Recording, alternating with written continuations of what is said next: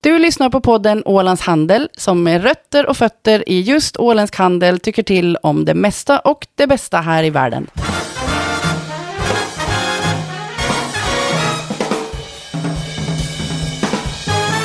Eh, välkomna till podden Ålands Handel avsnitt nummer, Jörgen vad är det? 93. 93 och ni hör att Jörgen Pettersson är här. Jag heter Anna Karlsson och idag har vi med oss en gäst därför att vad är mest på tapeten på Åland, i Norden, i hela världen kanske just nu. I elpriser, elpriser, och då måste vi ha experter. Då måste vi ha med oss en expert och då har vi bjudit in David Karlsson som är VD för Ålands elandeslag. Hej David! Hejsan! Är du pigg? Alla gånger. Vad skönt. Jag måste fråga direkt, sover man bra som elbolagsdirektör idag? Det varierar. Det gör det va? Ja. Alltså alldeles på riktigt för att det... Ja, tar man sin uppgift på allvar och, och, och, och känner ansvaret för kunderna så, så stämmer det till lite eftertanke när man lägger sig ner på så, kudden. Det är bra. Det känns tryggt på något vis. Ja, Ändå. Men, ja, ja, inte att du är sömnlös, nej, men att, att det finns någon som tar ansvaret. Nej, men inte ligger man ju sömnlös hela tiden, men visst hade det ju förekommer det att man ligger och funderar. Att, ja. Vad ska man göra? Hur ska man göra? Vart är det på väg? Och... Mm. För det här som händer nu, det hade du aldrig varit med om?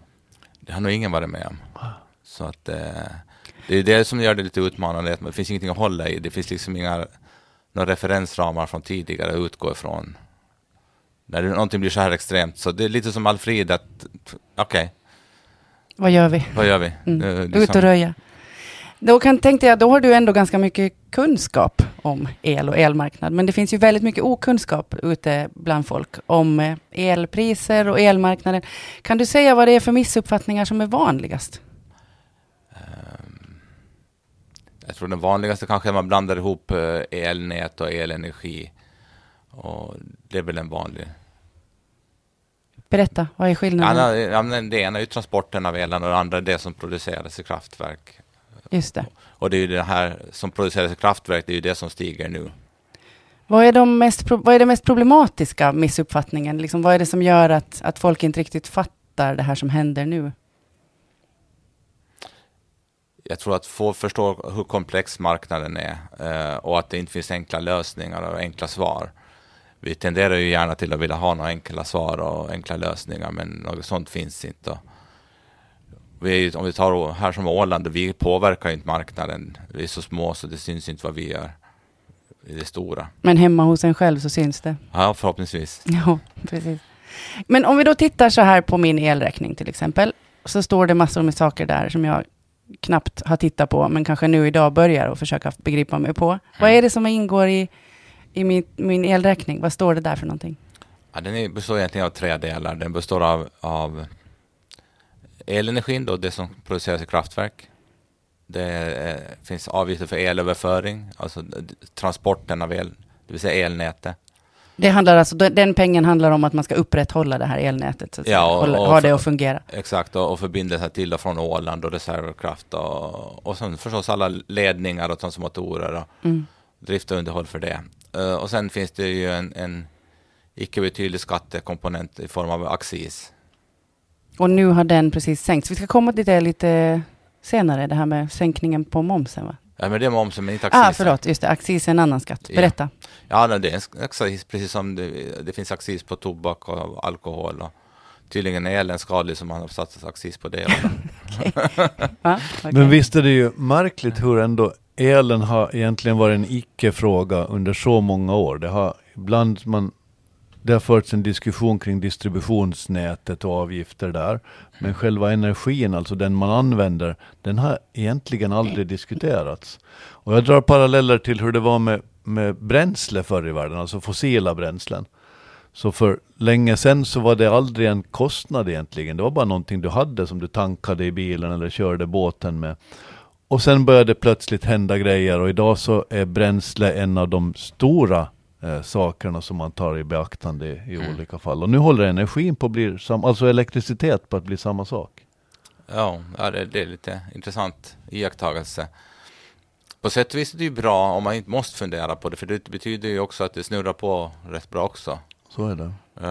Om det passerar förbi i vardagen utan man måste tänka på det, det är väl egentligen dit man skulle helst vilja nå, att det, det ska lösa sig själv, eller att någon löser det åt en utan man ska fundera på det. Man kan ändå tycka, för det, det på, det, det fin, man, man diskuterar priser på mat, på kläder, på bilar, på biobesök, på fotbollsbiljetter, på allt diskuterar man priser, men, men elektricitet så passerar under radarn på något sätt tills nu.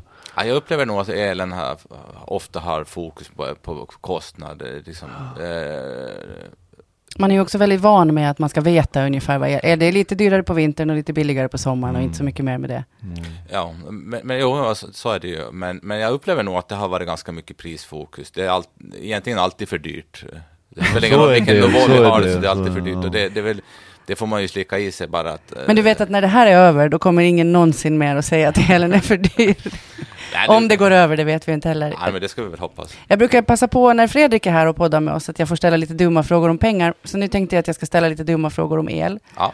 Det pratas mycket om eh, eh megawatt, kilowatt, kilowattimmar och så vidare. Eh, och då tänkte jag så här, ja, kilowatt det är tusen watt och det är en miljon watt och så vidare. Men vad är en watt? Oj, en watt. Det är väldigt lite. Det är väldigt lite el, ja, det, det är väldigt lite. Vad är det? Det är liksom en eh, tända, dra igång bilen, elen, eller vad är en watt? Ja, men watt, det kan vara en, eh, möjligtvis en liten diod eller någon sån här liten, liten, liten lampa som eh, lyser på någon skärm eller sånt Just det. Men, ja, det, det, är väldigt lite. Så att, eh, det, vi brukar nog aldrig prata om de mindre än kilowattimmar eller kilowatt. Ja, just det. Kilowattimmar, det är alltså? Energi. Just det. Och det handlar om hur mycket man använder på en timme? Ja, det är en mängd energi eh, som har använt. Eh, kilowatt är den momentana förbrukningen. Och använder du en kilowatt under en timme så blir det en kilowattimme. Mm, jag vet inte om jag riktigt fattar det ändå. Alltså, det, eh, effekt uttrycks i till exempel kilowatt mm. eller megawatt. Mm. Och det, det, är liksom ett mått på den momentana användningen. Mm. Men tar du det gånger tid så får du sen energin. Och då hamnar vi på kilowattimmen. Ja. Man borde ha använt hästkrafter, jag tycker faktiskt det. Mm, det ska vara alla, alla Jättemycket häst, hästar. Alla fattar hästkrafter. Ja, och sen när man bytte kan... till kilowatt så det blir svårare. Ja, nej, men vi ska vänja oss med kilowatt. Jag gillar den här elens... Eh, ska vi börja prata om kilowatt för bilar istället? Det, det är dit det är Ja, men väg, de men... gör ju så. Inom med bilar och uh, fartyg och allt möjligt så pratar man om kilowatt och nästan alla översätter till hästkrafter för att man ska begripa det. Just det. Hur många, kan man säga hur många hästkrafter en uh... Jo, oh, det kan man, men jag glömmer, bort, jag glömmer alltid bort den enda. Hur mycket är 100 eh, hästkrafter, David? Du har säkert koll på det där. Oj, det hade jag en blivit förberedd på.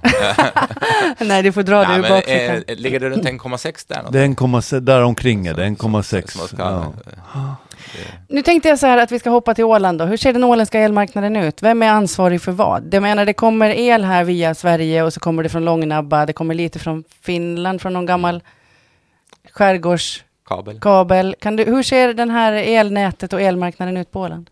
Uh, om vi börjar med uh, aktörerna kanske man måste börja med, för det finns ju flera aktörer. Då har vi då Kraftnät Åland som har ansvaret för förbindelsen till och från Åland. Det är typ motorvägen det de Ja, ja det är absolut motorvägen. Om vi ska kalla det infrastruktur ja, det, det, här. Det tycker jag absolut, absolut man kan göra. Det, ja. De tar hand om motorvägarna, det vill säga Sverigekabeln, Finlandskabeln och det här, ja, motorvägarna på Åland. Mm. Sen då finns det två distributionsbolag Ålands elanslag och Mariehamns Energi och, och vi då tar hand om landsvägarna och småvägarna, det vill säga kablarna ner, eller linjerna ner till kund.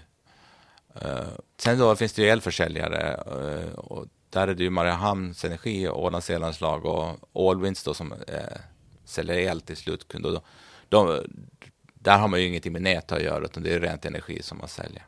Just det, så förvirringen kan uppstå också i att man tänker att ni är ansvariga för nätet, men ni är också en elsäljare, ja. så att säga. Ja, det finns ju på det viset dubbla roller, men de hålls isär. Ja. Det, det är lagstiftat att det måste vi hålla isär, så att det, det, det redovisas skilt. Då. Precis. Men elen som kommer i, i den Sverigekabeln är ju betydligt uh, mer kraftfull än den som kommer in i mitt uh, lilla eluttag när jag stoppar in hårfönen. Var ja. händer de här... Var ändrar det här? Så att säga? Ja, det ändrar ju på flera ställen. Eh, när det kommer till Åland så kommer det ju, ja, knutpunkten på Åland är ju Tingsbacka i Jomala. Och eh, därifrån så transformeras det ner till en annan spänningsnivå, eh, till 45 kilovolt och så distribueras det ut. Och sen eh, tar elanslaget vid vid 45-10 stationerna. Alltså det transformeras ner igen då till 10 kilovolt och sen ut nära kunden och där transformeras det ytterligare ner till 400 volt som du sen får ut hemma. Men det här med att vara elsäljare, kan, kan jag och Jörgen bestämma oss för att vi vill börja sälja el, så att säga? Eller vad krävs Absolut. för att du ska... Okej. Okay. Ja, vi, alltså, det finns ju många, det finns egentligen... Nej, vi ska vänta med den. Eh, vi, vi, har ju flera hundra elsäljare egentligen, för att alla som har solceller på taket så säljer ju elen också. Vi köper ju för flera hundra, för, av flera hundra kunder deras produktion de facto. Just det. De säljer inte till slutkund, men, men de säljer de facto el till oss. Mm, ja, okay. så det är de här mikroproducenterna? Absolut, så de mm. får ju liksom pengarna avräknade på sin faktura. Så det, det är en elförsäljning. Så att, eh, antalet elförsäljare på Åland så är det nog flera hundra.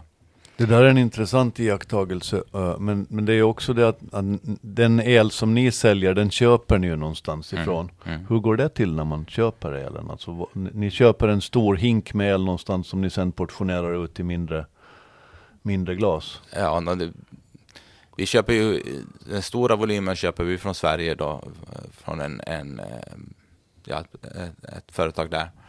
Och eh, men sen köper vi också då av mikroproducenten här på så. Åland. Hur stor del är det mikroproducenten av det som? Ja, det är någon procent. Ja, det, det, är inte stort. Fortfarande men, litet. Det, det, mer, det, handlar mer om att, att vi eh, skapar marknadsaccess åt de, aktör, de som vill sälja. Att, att, jag menar, alla är ju för små för att själva kunna ta hand om försäljningen annars. De behöver ju någon som tar hand om det åt dem. Och det är ju vår roll att se till att det finns någon som tar hand om det till schyssta villkor. Ändå är det så nu att på vissa ställen så kan, kan man inte banka upp solceller på taket? Eller är det så att det finns sådana stationer eller platser där det är fullt? Ja, alltså det finns, finns att det blir trångt om många ska på samma plats. Men alltså det sätts upp solceller alla dagar i vårt nät. Och det ser nog inte ut att stoppa i närtid. Det är välkommet. Ja, ja det, det, vi ser gärna att det kommer mera. Mm. Men det, det, finns begränsningar på vissa platser. Mm. Det som ni har gjort i Ålands Elandeslag, det tycker jag är spännande i, att, i det att ni inte bara har förlitar på att köpa in el från utomstående, utan ni har också aktivt tagit del i att bygga upp mm. egen elproduktion. Berätta lite om det. Ja, nej, egentligen började det redan i mitten på ja, typ 2005, 2006, 2007 där och började vi se att, att enda sättet, eller de som tjänade mest pengar på den tiden det var väl egentligen de som ägde produktionen. Liksom man såg att de kunde, ja, de var inte lika utsatta för marknaden, tyckte vi då i alla fall. Eh, sen ska vi komma ihåg att marknaden har ju ändrats sedan dess. Men då började vi titta på de där möjligheterna. Vi försökte ju, vi projekterade ju faktiskt två vindkraftsparker, ett i, här utanför Hammarudda och ett i Fögle. Just det. Och vi tog fram att vi hade alla tillstånd klara och klara egentligen att kunna börja investera. Men vi, på den tiden krävdes det ju bidrag och, och det kom aldrig. Och, utan det gick inte att bygga. Så sen började vi fundera på okay, vad kan vi göra då? Och då gick vi med i ett, ett konsortium i Finland som eh, köpt, övertog ett, ett kraftverk, i, eller ja, köpte ett kraftverk från Fortum. Och det, då hette det Container Voima, det där som vi, bolaget vi grundade var med där. Och, och från det sen så bildades Pohori som är det här vindkraftsbolaget. Och då har vi investerat i vindkraft sedan dess där via Puhuri då eftersom inte möjligheten har funnits på Åland. Vi blev ju också snuvade av Sipiläs regering där var det 2015-16 någonstans. Där vi var lovade stöd för det här Långstenarna som det hette då. Ett sånt här samprojekt mm. mellan Stenarna och utav Hammar, Hammarudda och det här Långnabba. Mm. Och när det gick i stöpet så, jag menar, då har vi valt att jobba vidare med det här Puhuri som vi är delägare i. Och det har vuxit till att bli en ganska stor aktör. Att, eh, det är en av de större aktörerna i Finland idag. Det har ni en nytta av nu då i dagens ja. läge? För ni vet att ni har en viss andel energi som ni får därifrån? Det, det, det, det har vi, men det är också någonting som tar tid att bygga upp. Ehm, det är lätt att säga att man ska bygga produktion, men det kräver kapital och det kräver långsiktighet. Och det, det tar tiotals år att bygga upp en portfölj. Eh, men det är en spännande resa. Och det är roligt att ha varit med och starta ett av, av ehm, de bolag som är, är bland de största aktörerna idag på vindkraft i Finland. Det är faktiskt spännande. Ni måste ha lärt er rätt mycket längs med vägen också kring vindkraft och annat. Absolut, men vi har ju också mycket kunnande på Åland så att mm. eh, vi behöver nog inte skämmas för oss någonstans inte. Men om vi ska hoppa till den här elmarknaden nu då som alla ser på med förskräckelse. Varför ser den ut som den gör? Det är någon form av perfekt storm just nu. Det är ju inte bara en faktor förstås. Men... Nej, det, alltså, det är jättemånga faktorer och det är precis som du säger, det är en perfekt storm. Och, uh, ja, att peka ut bara en sak är lite svårt, men det är klart att det här Ukraina-kriget är en grej när Putin använder gasen som uttryck, äh, påtryckningsmedel. Mm. Men Europa har ju också tillåtit det att vi hamnar i den sitsen. Och det, det måste ju nog politikerna i Europa liksom till sig själv i spegeln. Att hur kom det sig att vi satt oss i famnen på en... En tok. Ja, vi kan kalla honom vad vi vill, men, men alltså, mm. det är ju rätt spännande att vi har gjort sådana val i Europa. Och det gör ju att han har ju möjlighet att utpressa oss med gaspriser. För, det, det, där blir då om man bara kort gör det överskådligt så, så gör man att Tyskland är beroende av rysk gas så blir det brist på elektricitet i Tyskland och då höjs priserna. Och det, hur kan det landa i vår famn? Ja, vi sitter ihop med Europa, alltså hela Norden och så vidare till Europa. Då är vi på Nordpol va? Eller vad pratar vi om? Elbörsen? Ja, det, det här är ju rent fysiskt sitter vi ihop. Alltså det, det, vi, vi har ju förbindelser till kontinenten, till Storbritannien och så vidare. Och tanken är ju att de ska gå båda riktningar. Eh, eh, ibland får man intryck i diskussionen att, att, eh, att vi bara skulle exportera dit, eller, men, men det går ju båda riktningar. Det, det är till nytta. När vi har underskott så är det ju bra att vi kan importera från kontinenten. Och när de har underskott så exporterar vi. Och, och här, under normala prisförhållanden så kan det ju vara bra då att de som är producenter får lite mer betalt stundtals så att eh, det är lönsamt att bygga kraftproduktion. Så det där går i båda riktningar, men vi importerar ju deras priser stundtals när vi inte har tillräckligt med produktion själva i Norden. Då måste vi köpa den från utifrån och då eh, kopplar vi mot deras priser de timmarna. Men om vi ska ta några faktorer som inte handlar om Putin, vad, vad är det mer som har påverkat eh, situationen som den är idag? Um, kärnkraften i Frankrike har ju strulat otroligt. Eh, de har ju normalt varit en ganska stor exportör av kraft, men nu har de blivit importör. Och om det redan är brist från början så blir det inte bättre av att någon som normalt är en exportör börjar importera. Um, har varit lite sämre med vatten i magasinerna, framförallt nere i Europa. Um, kolpriserna har stigit i takt med gaspriserna. Vi har ganska höga priser på utsläppsrätter, alltså eh, koldioxiden. Man måste betala om man ska bränna olja. Exakt, mm. eller, eller kol eller gas. Så, eh, sen finns det ju, om vi tittar här uppe i Norden då, så har vi ju överföringsbegränsningar från norr till söder i Sverige. Brist på kapacitet i Sverige. Ehm, man har ju lagt ner kärnkraftverk i södra Sverige. Och nu gick dessutom ytterligare en reaktor som skulle vara ute till var det november. Ehm, det innebär att, att det är stor brist i södra Sverige och det, det svårt att liksom på kort sikt lösa. Sen stängdes också förbindelsen till Ryssland av mellan Finland och Ryssland och det var en eh, betydande energimängd som kom därifrån. Så. Kan man prata lite om Olkiluoto här? Den är på kommande, men ja, den är på kommande. igång. Den haltar igång. Den halt, precis, den börjar med att halta. Ja. Vad är det som händer där? Det har strulat ganska mycket? Ja, jag vet inte om det är normalt att det strular så mycket när man tar ett kärnkraftverk i bruk, men det har varit lite av faktiskt. Man kanske inte ska hasta på heller i och för sig. Jag tror att det, säkerheten är rigorös och, och, det får ta den tid det tar och det ska ju, du måste få göra också. Så att, mm. eh, man kan tänka sig att de sover lite svajigt också nu, möjligen. Ja, men de, har, de borde vara härdade, de håller på sen. de skulle vara klara 2009 och inga klara ännu. Ja, nu börjar det bli klara så att de har nog fått. Alltså jag läste någonstans att det är världens dyraste bygge. Näst dyraste har jag läst, men Näst i alla fall någonstans up there. Jo. Den det, har inte producerat särskilt mycket än. Det är fascinerande. Hur kan det vara så svårt att bygga ett kärnkraftverk? Du kanske inte har varit med om på så många, men... Nej, jag har inte byggt så många, så att jag, jag kanske passar på den frågan. det går bra. Nu ska vi prata om Nordpool, tänkte jag. Nordpool är väl fortfarande den huvudsakliga elbörsen som vi... Det finns fler nu? Ja, den fysiska elen så, så handlas på Nordpool. Just det. Eh, och den är ju ett, ett, ett bolag då som ägs i huvudsak av stamnätsbolagen i Norden. Varför har vi en elbörs? Vad är den bra för? Ja, det är där som...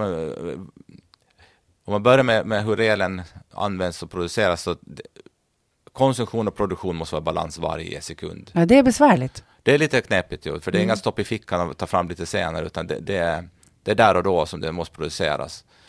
Och genom att alla ger bud på, det, det, funkar egentligen så att varje morgon så ger man ett, alla som vill köpa el så ger ett bud hur mycket man vill ha följande dygn timvis faktiskt. Det är inte så att man säger en klumpsumma utan man berättar timvis hur mycket man vill ha och, och producenterna gör samma sak och så säger producenten att jag är beredd att producera så här mycket för det här priset men är priset lite högre kanske jag kan skruva upp lite. Och till slut sen så uppstår det ett priskryss där utbud och efterfrågan eh, möts då för respektive timme följande dygn. Så eh, det som kan vara lite intressant är ju att ett år består av 8760 priser och du vet bara priset följande dag. Men nästföljande dag vet du inte ännu. Det är en klassisk ganska häst, stökigt. hästhandlarmarknad alltså, där man verkligen går från det är online hela tiden. Ja, men någonstans ja. har jag sett det här att det var någon, någon, som är smartare än jag som sa att prisfluktuationerna som är nu, de är egentligen ett, ett vackert bevis för att den här elbörsen faktiskt fungerar som den ska. När det är stor efterfrågan så är det dyrt och när det är lite efterfrågan så är det billigt. Att det här det systemet vi har byggt upp, det funkar. Ja, men alltså, den funkar som det var tänkt. Liksom, ja. eh, det är bara det att det svajar lite i produktion. Ja, så som det är designat så det funkar enligt design. Uh, och hur man ska optimera det där, så det har hittills, om vi bortser från krisen nu, så har det ju fungerat. Det, det blir dyrt när det blir en bristsituation och det, det är nog det man måste räkna med att det kommer att vara i fortsättningen. Men man glömmer ju också bort att det finns timmar där det är negativa priser, där man får betalt för att använda el de, sådana situationer uppstår också. Ja, just det. Jo, jag tänkte, för jag tittar på, jag är lite så här, gillar Nordpool-appen. Ja. Inte för att min förbrukning hemma är särskilt stor, jag har en diskmaskin och en tvättmaskin som vi har pratat om förut, men i alla fall så håller jag lite koll här nu, därför ja. att jag har rörligt elpris och då är det ju rätt smart att titta lite ja. på den här. Och idag då, så har vi i SE3 där vi eh, befinner oss, eh, så kostar det i snitt 299,56 euro. Ja. Och i SE2 där det finns andra människor som är lite gladare, där kostar det 42. Ja, visst, det är bra. Varför tillhör Åland SE3? Ja, för att eh, kabeln från Det är Åland, närmast helt ja, enkelt. Ja, det, var det är där kabeln från Åland kommer upp i Sverige. Kortast möjliga väg. Ja. Mm. Så att bygga kabeln till SE2 hade varit helt enkelt besvärligare. Jag tror att uh, utslaget över tid så blir nog det dyrare. Mm. Det har varit sedan 1973 tror jag, om jag har gjort min hemläxa rätt. Ja, men alltså vi har nog, Sverigekameran har nog kommit upp ungefär på samma plats mm. lång tid. Fredrik och jag pratade i en podd här för inte så länge sedan om, eh, om eh, det här med att subventionera som har varit eh, någonting som man kan stå och skrika i sitt hörn här där hemma, att subventionera elpris. Men det menar åtminstone Fredrik på att det är det dummaste man kan göra, för då gör man ju egentligen så att man stimulerar inte folk till att spara el och samtidigt så betalar man skatt för det som går över. Men vad är lösningen här nu? Vad ska vi göra?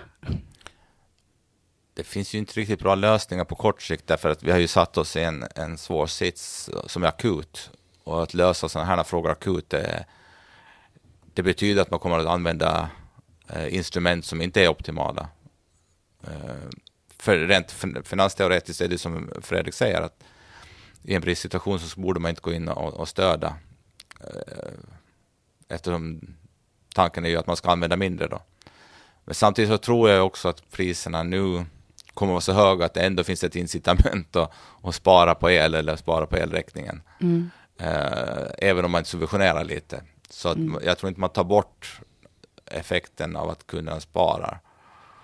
Men vi måste ju också värna om de som är utsatta i samhället. Alltså det, det, det, är inte rimligt att man får eh, kostnadschocker som är hur stora som helst. Ja, men det kommer från ingenstans för de flesta. Mm. Men vi, nu har vi ju i alla fall, var det igår till och med, som det kom ett beslut om att momsen ska sänkas? Ja, de sänker från 24 till 10 procent på elenergin. Mm. Och jag tolkar att inte på hela elräkningen, utan bara på själva elenergidelen. Och den är egentligen bara en tredjedel då ja. ungefär? Just det. Och, och det var ganska spännande, man tänker också bevilja avdragsrätt för höga höga eh, elektricitetsräkningar. Ja. Det, det, det, var faktiskt, det såg inte jag komma. Det har inte jag sett. Vad, berätta mera, nu får du, du hoppa in över, som ledare. nu minns jag inte siffrorna faktiskt, men om den, den är över ett visst, en viss summa, var det 500 euro kanske? Ja, Upp till en viss summa så skulle man ha rätt att dra av för just höga elräkningar. Nu, nu läste jag aldrig ifall det var retroaktivt eller om det bara var framåt. Ja, det gäller inte nu. De har varit ganska diffusa på det där. Jag tror att eh, det ska komma mer information hur man räknar. Budgeten blir offentlig idag tror jag. Så den... Men jag tror inte att det gäller nu. Jag misstänker att det är från kanske november, december det kommer att gälla. Det här med, med att, för det, det är ju inte så att, man, att vi blir förpassade till stenåldern. Det som borde göras är att man borde dra ner på sin förbrukning. Och det har vi vetat sedan 1973 när, när OPEC kraschade och, och det blev energikris. Så har man pratat med, med regelbundenhet om att vi måste man ska släcka lamporna när man lämnar rummet, man ska tänka på vad man använder sin elektricitet till. Mm. Ändå har det inte riktigt fäst, utan det har varit en mänsklig rättighet att bada bastu tre gånger i veckan att alltid ha golvvärmen på, att hellre ha 22 grader än 21 grader inomhus. Det vi borde göra nu är ju egentligen att förverkliga det här som vi har sagt. Ja, det, samtidigt så har det ju skett en del energieffektiviseringar som man inte tänk, tänker på också. Vi använder ju LED-lampor, eh, vitvaror blir effektivare, det är populärt att sätta in eh, värmepumpar och så vidare. Så det, det pågår nog samtidigt, men, men eh, jag tycker mig se att, att det här, förut fanns det en tillväxt i, i elanvändningen per hushåll då, men den stannade nog av för flera år sedan, liksom tillväxten. Just det, så, så den har blivit, det har så, märkts att det har blivit effektivare? Ja, det, det ska jag nog säga, men, men däremot det finns ju mycket kvar att göra. Samtidigt använder vi ju mer och mer och mer och mer el hela tiden förstås. Ja, gör vi det? Ja, det gör vi ju. Gör vi det? Alltså, elkonsumtionen på Åland stiger ju. Mm. Men eh, vi har ju också blivit fler personer, eh, beror på näringslivets behov och, och, och, så vidare. Så att, nu vill alla ha elbil.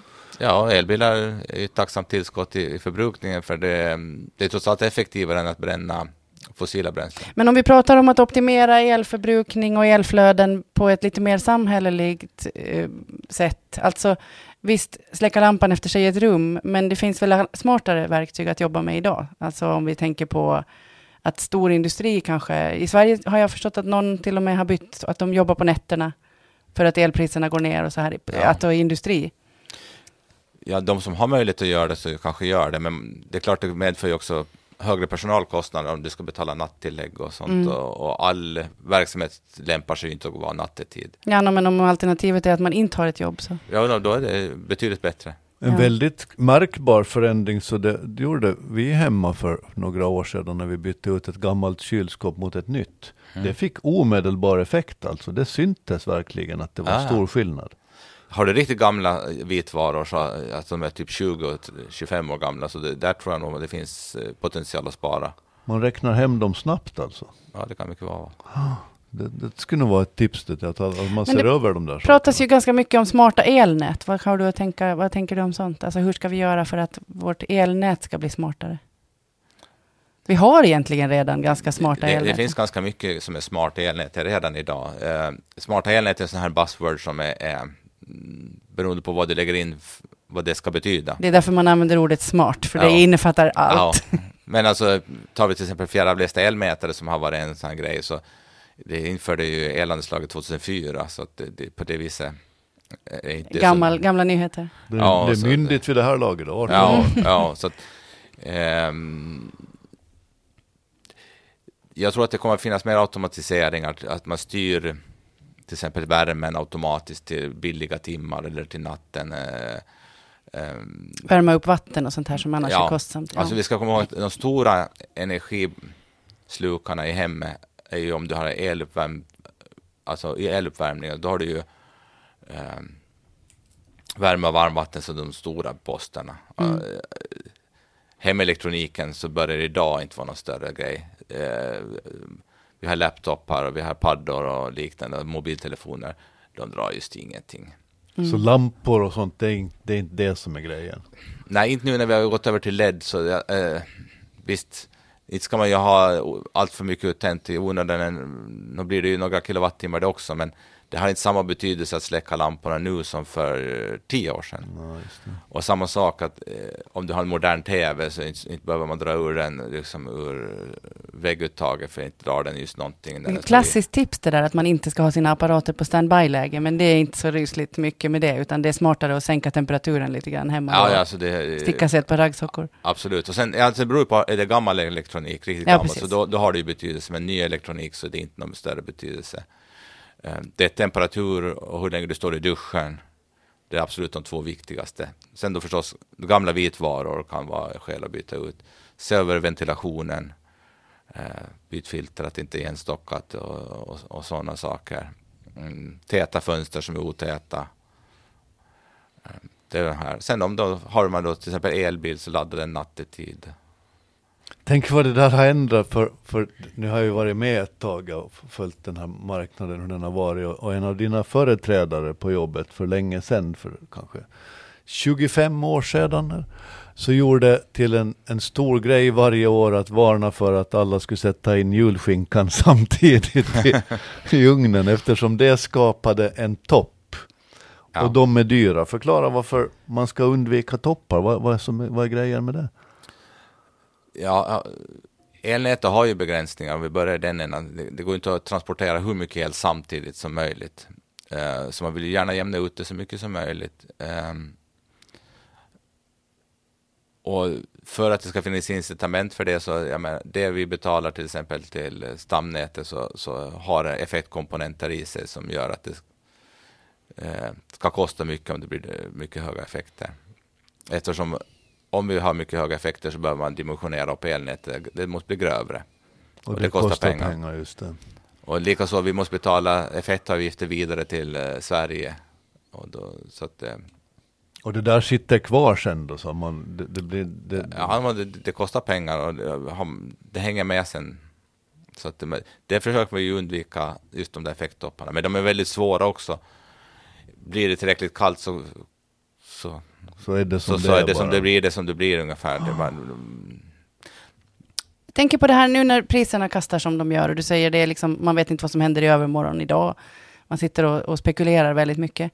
Ni är ett andelsbolag och Mariehamns Energi ägs av Mariehamns stad. Ska bolag som ni faktiskt vara där? Det här är ju nästan spekulativt. Alltså det här är ju att sitta... Är det slut på tiden med fast elpris? Kommer ni att kunna erbjuda det så att säga i framtiden ens? Ja, min plan är i alla fall att vi ska erbjuda stabila priser hos kunderna även ja. i framtiden. Det är inte så att, att vi kommer alla att gå på spotpris i framtiden, utan det...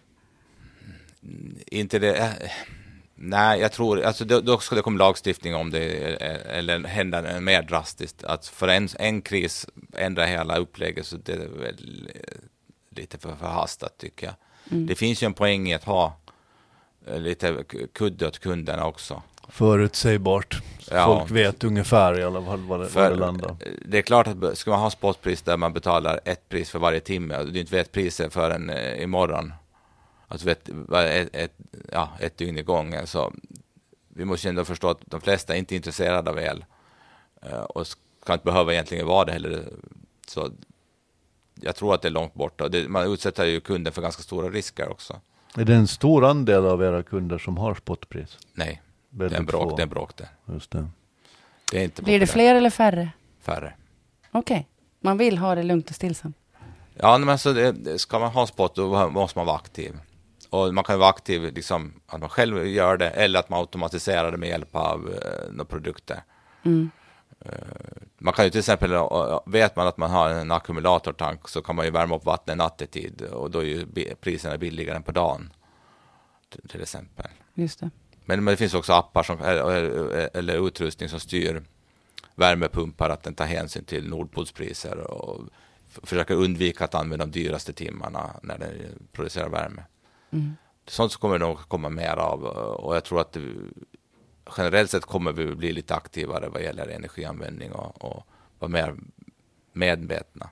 Mm, men, men det, väl, kan väl aldrig vara dåligt med lite mer medvetna konsumenter ändå? Nej, absolut inte. Absolut inte. Det, det tror jag är bara bra. Jag såg någonstans också en uppmaning till att elbolagen har en, en ganska stor utbildnings eh, vad ska vi säga, en upp, ett uppdrag framför sig. Känner du att ni har mycket som ni behöver berätta för kunderna, så att säga, för att de ska förstå? Det har vi säkert. Eh, vi försöker ju hela tiden förklara, men, men det, det, är lite...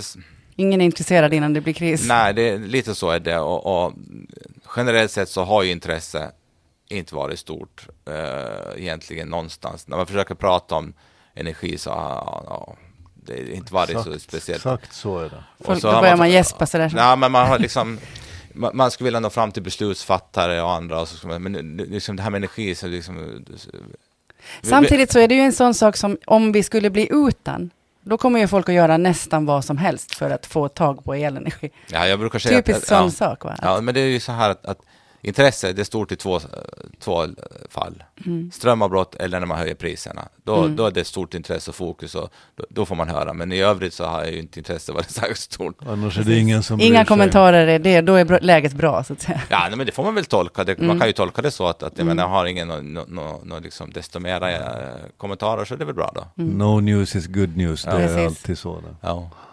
Jag tänkte vi skulle kanske lite prata om något annat än el och energi idag. Mm. Får man det? Det får man. Okej. Nå, vi har ju konstaterat nu då att, att det är smart att sänka temperaturen och kanske sticka ett par raggsockor. Jag hade en fråga till som jag Förlåt. bara måste få ställa. Då får du det. Varför är det så svårt att lagra denna elektricitet? Ja. Nu, nu du, löser du det här så. Ja, nej, men det, det, man kan ju säga att vi lagrar den i stor skala redan idag i form av vattenmagasin. Eh, Det är ju en, Mm. Ett en, stort for, ett stort batteri. batteri på sitt sätt. Men annars är det ju så att ska man ha vanliga batterier som litiumjonbatterier eller liknande så de, är ju väldigt dyra och, och, i förhållande till vad man kan lagra. Så man måste gärna hitta andra, andra lösningar. Och där kan man tänka sig att man använder sig av kör det till varmvatten eller till något annat, men, eller vätgas. Eller Omvandla till vätgas är ju mycket på tapeten Ja, det idag. Ja. Mm. vätgas är hype idag. Men alla, Då pratar man i och för sig om effektförlusten som uppstår, men samtidigt kan man ju tänka att om det är grön energi man använder för att tillverka vätgasen så kanske det inte gör så mycket om man förlorar lite på vägen då. Skulle man måste bränna Ja. fossila bränslen för att... Ja, jag, jag ser det så här att, att vi ska nog undvika förlusterna för att det är nog svårt att producera. Vi har ju full, fullt sjå att, att producera tillräckligt med förny, förnyelsebar energi. Mm. Så att slösa på den, så det, det är jag nog inte så intresserad av. Utan, eh, Men nu tänker då- jag väl i framtiden då, när jag, där var jag jobbar, som Ja. vi kanske, och det onämnbara vindkraften Ja, men ska det här producera är ju, stora mängder, då Ja. kan det ju vara. Men jag tänker från en alldeles vanlig donares synpunkt. Så när jag hade en Nokia 3310, hette de så? 3210? Det batteriet varar i, i två veckor ibland. Och Ja. en modern iPhone så klarar sig ett Då tittar dygn du inte på Netflix på om din man har telefon. tur. Det gör jag inte idag heller. Men varför, var, var är det som, varför, var det, varför gick det att göra sånt då men inte idag? Eftersom allt går framåt så snabbt. Hur långt ifrån är vi att det blir ett genombrott för batterier? Att de faktiskt fungerar? Ja, batterier fungerar, men alltså det pågår mycket forskning och man tittar på olika kemier och lösningar. Så att, eh, vi, vi, nu har man ju kommit ganska långt egentligen, men, men vi ska ju inte sluta här, utan vi vill ju ha dem ännu bättre. Såklart. Eh, Så att, eh, och det tror jag att de kommer att bli också. Eh, Ganska snabbt tänker jag, med tanke på hur informationsflödet ser ut idag och forskningen går snabbare och snabbare för att fler människor kan dela på samma kunskap. Det ja, kan ja. bli nästa megaskifte det alltså. Efter industrialismen och allting annat, automationen, så kan faktiskt elektrifieringen bli det nästa. Alltså Mm. elektrifieringen, så den, den är ju stark trend. Och därför är det ju så synd att, att vi nu har den här energikrisen där elpriserna är så här höga, för det, det hämmar, ju lite, delvis ja. eh, den här utvecklingen. Jag tycker ju att kommunikationsrevolutionen är också ganska fin att lägga utanpå allt det här andra som är revolution på Sant. gång. Att Sant. ju fler människor som kan dela på samma kunskap, desto snabbare kommer vi att komma framåt helt enkelt. Då. Men, får jag nu byta ämne då? Mm. Nu vill jag ha andra spartips. För det är ju inte bara elen som blir dyr. Allt kommer bli dyrare, därför att elen ligger till grund för allt. Så vad har vi för andra spartips här i världen? Om vi nu tänker att vi sänker temperaturen och så här, men var, var tänker ni snåla framöver? Herregud vad det blev tyst. Jag är dålig på att snåla. Tycker Okej. man ska ha det Vi borde haft bra, Fredrik med oss här. Han är bra på att snåla. Ja. Man ska Ja, ja, ja. jaga mycket, det är bra. Ja, nej, det är väl i och för sig bra snåltips. Jagar du David? Ja, jag jagar förut sjöfågel i alla fall. Men, Ah, nej, men där är det har inte stopp. varit- så mycket Nej. av den varan nu. Eh, nej, men generellt sett, att jag tror att man ska bara vara generellt återhållsam. Eh, jag, jag tycker själv inte om att handla särskilt mycket. Så att, eh, kanske man Mm. ska säga när man är är en sån här podd när man ska prata om ålesande. Nej men det är klart, man ska ju tänka på hur, hur man bäst, hur man lever sitt liv bäst. Det är väl det som vi försöker uppnå Mm. i, i allt egentligen. Och, och, om man Så- alltid går omkring och tänker på hur man ska leva så billigt som möjligt så det är inte säkert att man får ett fint liv. Nej. Det, det är lite den det, saken. Det beror på om man njuter av processen. Det är klart, det finns det, de som. Det, ja, om det är en klassisk snåljåp, ja. då, då, är det fint. Ja, ja, men vi har väl en sån som vi brukar ha med oss. Fredrik tycker ju verkligen om att leva lite så, här sparsamt. Mm. Det är vi, hans grej. Vi är ganska olika så. Ja. Vad kommer eh, fortsättningsvis att få kosta vad som helst för er? Även om det liksom behöver dras åt någonstans?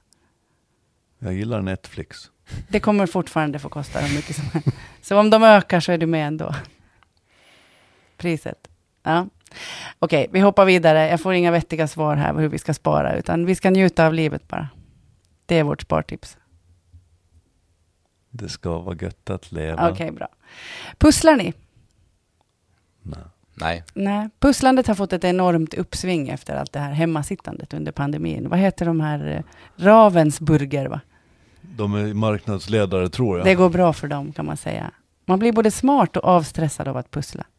Varför pusslar inte ni för något? Alla andra gör ju det. När, när ska man hinna det? Ja, okej, okay, du tänker så. Men du ska ju bli både smartare och, och, mer avstressad av det, tänker jag. Så då kanske det kan vara värt att pussla lite. Det finns ju annat som har fått, alltså stickning säger man också att det är samma sak. Man blir smartare, man, man jobbar med hjärnan samtidigt som man vilar den på något vis. Så här, så att. Menar du att, att, om man inte pusslar eller stickar så gör man något mindre, man, de är mindre intelligenta? Då blir man dummare. Okay. Och, ja. jag kanske måste börja pussla i alla fall då. jag tycker det. Sudoku, du, är, du, du är säkert en sudoku? Nej. Nej. Okej. Okay. Jag tycker drar, sudoku är antagligen Jag måste se om jag hittar någonting här som jag kan kasta på er som gör att ni går igång. Det är val i Sverige snart. Är det något ni kan eh, tänka er att gå loss på? Nej, Hur går det för dem? Inte riktigt. Nej, det... Nej. Ja, sagor, det, det, det finns på bo, äh, biblioteket. Okej, okay, du låter så. Mm. Ja. ja, men den är svår, den svenska valrörelsen har jag faktiskt alltid tyckt. Dels så är den extremt kort. Mm. Det är val om en vecka och valrörelsen har pågått i tre veckor. Den har nästan bara exploderat i händerna och den, den handlar den är så långt ifrån det goda samtalet man kan komma. Jag tycker det är trist faktiskt. Mm. Vad kommer att avgöra valet sen då, då? Om man bara håller på på det här snabba viset? Så Energifrågor tror jag kommer till att ha en stor betydelse för valet. Eftersom någon småningom måste förklara varför man stängde kärnkraftverk. Det är inte en otänkbar tanke. Mm. Ja, energifrågan är ju nog definitivt, det, det ser man ju redan nu och, och, där ser man ju att eh, Socialdemokraterna i Sverige börjar svänga lite i den där kärnkraftsfrågan. Och blir krisen tillräckligt stor så är det väl ett, eh, så det är väl rimligt att det får mycket fokus. Man betraktar det, jag tror att energin håller på att bli en, en sån här eh, klubbad sälfråga. Ni kommer kanske ihåg för något decennium sedan när, när bilder på klubbade sälungar vände en hel debatt, ett helt samhälle, till då det dåvarande Miljöpartiets fördel. Mm. Eftersom de var snabbast att ta avstånd för den. Och nu tror jag att energin kommer att bli en sån här fråga som alla hanterar. Och det där begriper man i Sverige, för man gick ut precis häromdagen med ett jättepaket för att stödja. Och det gjorde man även i vintras när den här första chocken kom, så man trodde att nu kan det inte bli värre. Och då blev det värre. Så den är spännande. Kommer man att stödja rätt saker då? Eller? Alltså jag menar just när det är valkampanj så kan man väl lova lite vad som helst för att skaffa sig en röst eller två. Kommer man liksom att hitta rätt sätt att göra det här då? Jag tror att David har helt rätt när han säger att man inte ska agera i panik. Nej, jag tror att, att, att eh, oftast lönar det sig. Man måste ju ta de besluten som krävs i liksom, när det är akut, men, men de här långsiktiga frågorna så behöver man nog sitta ner och, och fundera lite noggrannare på. Jag tror att mycket handlar om att få konsensus liksom, över många partier vad det är man vill och, och, och ha en målsättning. Det är väl det man har minst av kanske just precis nu inför valet ja. kanske. Ja, nej, men det, nu är det ju just det att alla ska profilera sig på sitt och även om man egentligen kan vara överens så måste man hitta en, en motsättning. Eh, men alltså, ska jag vara i Sverige ska jag försöka få, hur får man mer produktion i södra Sverige? Det liksom är ju akut. Där till exempel har ju kommunerna haft veto mot vindkraft och det är ju nekas enormt mycket projekt i södra Sverige. Så man stoppar upp ja. helt enkelt med ja. Eh, byråkrati. Ja, och, och, och, det är klart att det, då kommer man bli kvar med höga priser. Löser man inte den frågan så kommer man få leva med höga priser där. Mm. Det är ingenting som går att lösa enkelt. Man måste ställa frågan, tror du att vindkraft är lösningen på Tack, detta? Jörgen. Jag ville inte ställa den själv. Nej, det förstår jag, men, men, men den, frågan måste ställas. Alltså, vad, jag, jag hörde inga. Om vindkraft är lösningen på vår framtida långsiktiga energi. Vi kommer tillbaka till den där med myterna som vi diskuterade i början. Alltså, det finns inget kraftslag som eh, kommer att lösa alla våra problem. Ja. Utan vi behöver en mix av många kraftslag tillsammans. Eh, det är så vi löser det. Tillsammans för, kanske med så kallade smarta elnät, lagringslösningar eller flexibilitet. Kanske också det som är också lite hypat idag, eh, sektorkoppling, det vill säga att man kopplar el och värme till exempel ihop eller el och bränslen ihop eh, och så. Men, men liksom det finns ingen eh, silver bullet som löser allting utan vindkraften är ett är så tillvida väldigt bra för den går relativt snabbt att bygga upp. Den liksom kort byggtid och kommer då snabbt att ge effekt liksom till marknaden. Den är förnybar. Eh, sen har den ju vissa nackdelar att, att, när det inte blåser så producerar det inte. Men det är då vi ska använda vattenkraften och kanske annan kraft.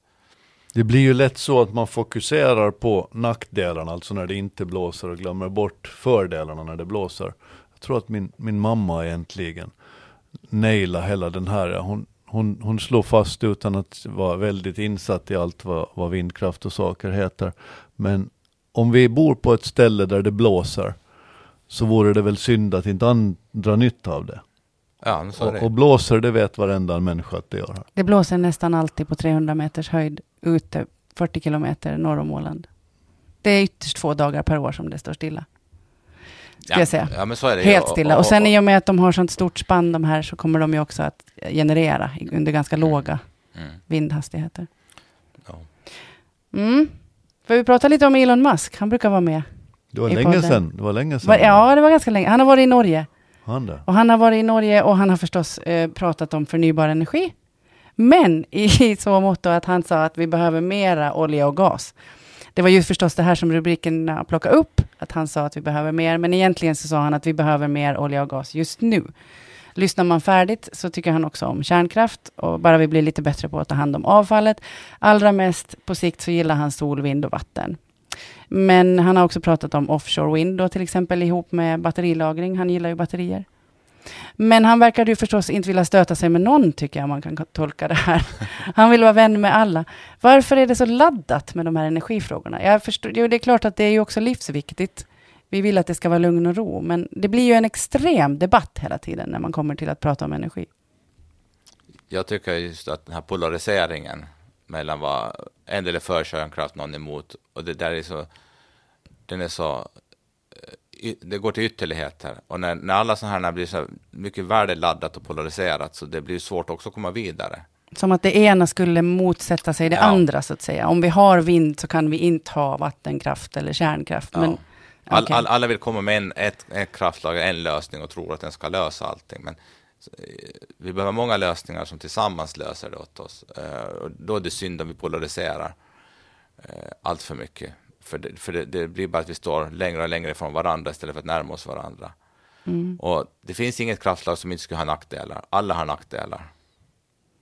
Men det där går ju tillbaka ända till 70-talet, 80-talet i Sverige när man hade kärnkraft, atomkraft nej tack. Mm. Det är en kampanj som trots att nästan in, inte ens jag var kanske med, men ni var kanske inte jätteaktiva Den sitter då. I. Den sitter kvar. Ja, Det är ett ganska otroligt varumärke som bildades kring just den rörelsen. Där alla hade en åsikt, ja eller nej, utan att faktiskt begripa ett ja, Det är ju först idag som vissa börjar prata om kärnkraft som någonting som är ens, ja, men det där sitter kvar alltså. Att man, och, och, det där är igen det här vanliga fenomenet att ju mindre man vet om någonting desto starkare åsikter har man. Så man kanske har missat pedagogiken där någonstans. Sen är det också så att eh, som med alla andra frågor så förstärks ju våra egna uppfattningar på sociala medier. Eh, och jag brukar också säga att som man googlar får man svar. Så är det. Och man blir sin egen lärare till ja. sist och det slutar ja. på tok. Ja. ja. men vi pratade, eller jag pratade innan här om den här, jag läste en sån fin liknelse kring debatten idag, att om vi säger att Jörgen och jag ska prata om vaniljglass och chokladglas, Jörgen gillar vaniljglass. Och så kan jag säga så här, men funkar vaniljglass att sätta i bensintanken eller är det gott på biff? Och då måste Jörgen säga nej. Och då betyder det att jag har vunnit debatten, så att säga. Att det blir ett, ett konstigt klimat där. Det den det handlar inte om halmdocke-debatten. Ja, det handlar om att slå varandra i huvudet med argument som inte är rimliga och, och, ingen kommer vidare, men alla säger att de har vunnit, så att säga. Mm. Mm, det är svårt. Uh, apropå det här med då flera energislag och diverse samexistens. Vet ni vad agrivoltaics är för någonting? Ja, det är solceller på nytt, åkermark nytt eller buzzword. Nej, det handlar om, det är studier kring hur solenergi och eh, jordbruk kan samexistera och kanske till och med dra nytta. Det har nu visat sig att broccoli till exempel, en av världens nyttigaste, ett av världens nyttigaste livsmedel, det, den trivs bättre om den odlas under solpaneler. De får alltså lite skugga, det blir mindre avdunstning från markerna och så vidare. Vad tänker ni om det här med samexistensen mellan nya energiproduktionssätt och andra, så att säga, jordbruk och Ja, det, är ju det är fantastiskt om, om, man kan kombinera det. Ja, För det, ser fina vi, bilder vi, på får som går under ja, solceller och sånt. Ja, det är att inte slösa varken på energi eller på, på mm, mark. Nej. Vi har, ju obe, vi har ju inte obegränsat med markutrymme. Nej, men jag tänker att avdunstningen kommer väl att bli bara högre och högre på grund av att vi har mer och mer värme och sol i, i vårt klimat. Vad vill du odla, Jörgen, under solcellerna? Jag tycker det är konstigt att allt som är nyttigt smakar illa. det var din... Du vill inte ha mer broccoli helt enkelt. Ska vi odla kött där under istället? Man kan ha lamm då där kanske? Det finns en, en, en beskrivning, inom fiskodlingen har man använt sig av det där, alltså där man kombinerar gödsel från fiskodlingen till jordbruk som sen bildar ett slags kretslopp. Jag är inte tillräckligt Aquaponics. insatt. Aquaponics. Så heter det kan hända. Mm. Som, som jag tycker att låter väldigt intressant. Det här är ju lite samma modell då, att helt enkelt se till att saker som funkar bra kan samexistera med varandra. Men så där gör ju folk som har varit med lite. De tar kaffesumpen och sätter på odlingen. Och det, det är inget mm. nytt egentligen. Det, det, är som att allting skulle vara helt nytt trots att det är något man har hållit på med länge som helst. Ja, men det är ju det att man tänker då på en, en solpark kanske som ett stort område som är fult. Om man ska köra förbi det med bilen och det ska vara hemskt på alla sätt och vis. Men där under finns ju faktiskt fortfarande både odlingsmöjligheter och blommor och betesmark och diverse. Det är inte så att det, det ena måste utesluta det andra, men det är väl där vi har hamnat lite i debatt kanske. Ved, det har ni kanske? Det älskar jag. Ved är mitt liv. Ved är ditt liv. Veden går åt som smör i solsken kan man säga nu. Alla som har en tillstymmelse till kamin hemma tänker ju sig nu förstås att de ska elda sig igenom den här vintern. Men vet ni hur man ska elda för att det ska vara, att man inte ska släppa ut så mycket koldioxid? Bästa trixet. Ska man tända upp är bra? Jo, visst är det konstigt? Visst. Det låter helt emot alla principer jag har haft i mitt liv. In med det som ska brinna längst under, va? och så tänder man där. Man ska tända från toppen, Jörgen. Gör eld, du det? Eld går alltid mot vinden. Ja. Eld, ved ska ligga, det är viktigt. Mm. Då får man största verkningsgraden. Men det här med att tända brasan uppifrån, då kan man alltså minska utsläppen i samband med upptändningen mm. med 80 procent. Jag har läst om det där och det är säkert jättebra, men, men det tar bort själva glädjen i eldandet. det brinner för lite, det, det brinner för lite ja, i början? Okay. Ja, ja. Det blir inte, du vill att det ska det gå blir fort? inte lika trevligt faktiskt. okej, okay. så det här tänker du inga ändra Och där kommer man igen i det här, att va, det, det, det, är sin sak att spara och ha det tråkigt, men, men man ska ju ha skoj. Mm. Man ska ju kunna se och njuta av brasan, det är väl halva nöjet. Det tar lite längre tid att tända brasan bara. Du kan gå, tända den uppifrån och sen går du och kokar kaffe och så kommer du tillbaka och så brinner det. Mm. Det du bor, vänjer dig. Det, det bor en liten pyroman här hos Göran tror jag. det kanske gör det. Tycker om att se, vem tycker inte om att se på eld? Nej, nej, det nej, gör det, man det, det är avslappnande. Det, saknar Visst är det. Mm. Se kraften i en eld, i en brasa. Den. Mm. Har du braskamin? Äh, jag har en kakelugn. Just det. Ja, men det, det, är trevligt att titta på elden, precis som det är som att titta på vågorna. Det, är liksom, det rör sig och det, är ändå på något vis lugnt. Det är fridfullt. Ja. Fridfullt men kraftigt samtidigt. Yes. Um, vad ska vi prata om nu? Ska vi hylla Jörgen? Det kan vi göra. Jag har månen kvar i och för sig. Vet ni att vi är på väg till månen igen? Månen, det läste jag någonstans. Efter ja, 50 år Månen är, är på tapeten. På det har varit, månen har liksom levt i skymundan kan man säga, i, i solskugga. Men nu är det plötsligt sex länder och en massa privata företag som vill till månen. Och det här händer redan, alltså i år så är det massa som, varför är det här, varför vill vi till månen igen? För att den är där. Jaha, det är lite sådär som, nu tänkte jag säga hunden och pungen, men nu sa jag det i alla fall. Vi gör det inte för att det är enkelt, vi gör det för att det är svårt, sa Kennedy. Jag tycker månfärderna är det mest fascinerande som finns. Vad säger du David? Gillar du månen? Jag har ingen uppfattning om månen. Det är, jag är inte så intresserad av astronomi och, och himlakroppar. Tänker du bli månturist? Nej, Nej, verkligen inte. Vet ni hur många som har varit i månen? det är inte det många inte. Två, tre, två. Nej, Jag vill inga säga. 12. ja. Okej, men nu ska det bli fler. Ja, det är bra. Mm. Det är Alltså, bra. en, av, en av anledningarna är helt enkelt att månen kan, man har hittat på något sätt is. Vilket gör att det finns vatten. Och det betyder att man skulle kunna på något sätt ha månen som en tankstation. Alltså att månen blir en avfyrningsplats för längre färder bortåt i rymden.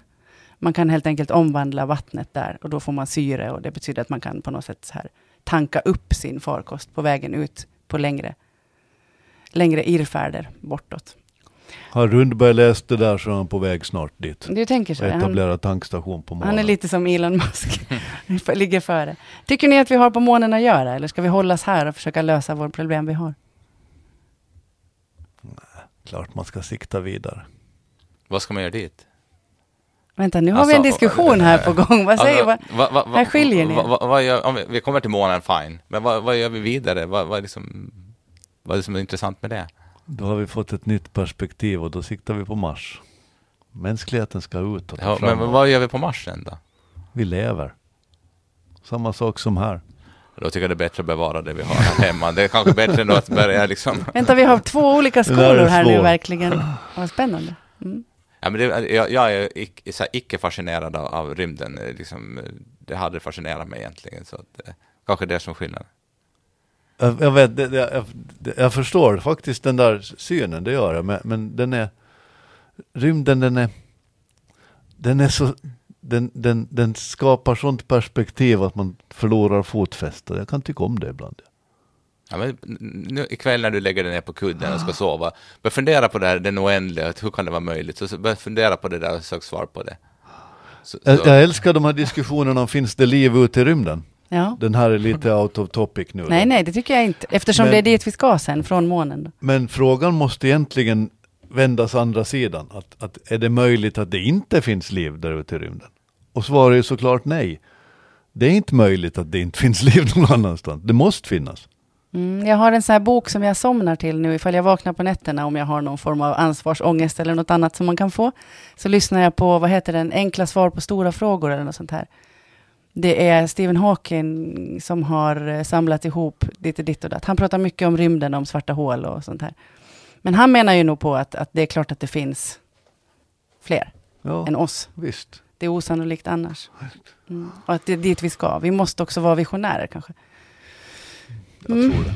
Okej, så Jörgen vill visionera vidare ut i rymden. David stannar på jorden och tar ansvar för elnätet. Det är en perfekt mix. Det Ja. måste finnas Ja, båda. ja. Ni, ni kompletterar varandra. Och jag som är kommunikatör, jag kan ju berätta om vad ni håller på med, både här hemma och där ute. Kan du göra en säga till sen när du är på Mars? Jag lovar, jag lovar. Det blir den Mm. första. Kan du sen, då, Första David, höra av dig när du har löst det här med elpriset? Det kanske är ungefär lika långt bort. Just det. Nu ska vi hylla. David, du är gäst idag, så du får börja med din hyllning. Oj, det är svårt det där. Det finns många som borde hyllas egentligen, men jag väljer min fru Cecilia. Ja, berätta, varför förtjänar Cecilia att hyllas? Ja, men eh, vi har varit tillsammans sedan, eh, ja, det var 16 år och hon betyder väldigt mycket för mig. Det Just- gör förstås hela övriga familjen också, men om jag måste välja en person så väljer jag henne. Just Det där är starkt. Pratar ni jobb hemma?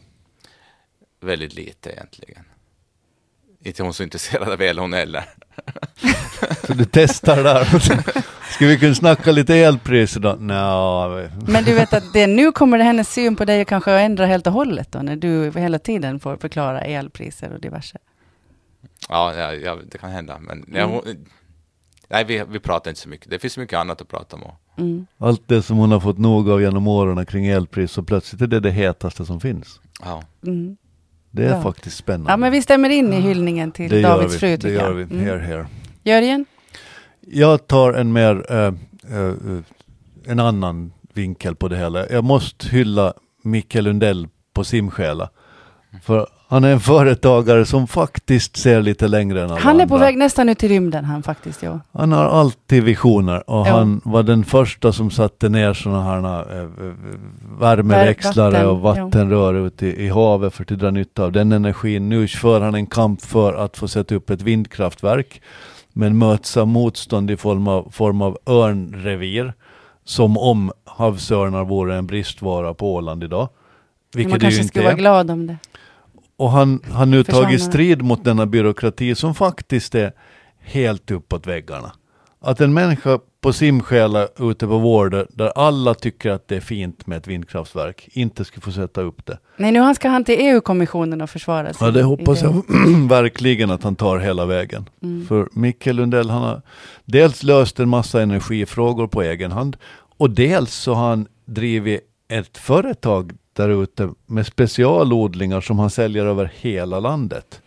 Och han har alltid gjort det med ett gott humör och han ger aldrig upp. Han har drabbats av den ena motgången efter den andra. Det har varit raserade hallar och allting. Och han har bara fortsatt. Ja, Han, han är en, en stoiker på ett fint sätt. du är inne på stoicismen här. Det kommer mer om det senare. Är det jag nu? Jag tänkte hylla en Facebookgrupp som heter Snåljåparna.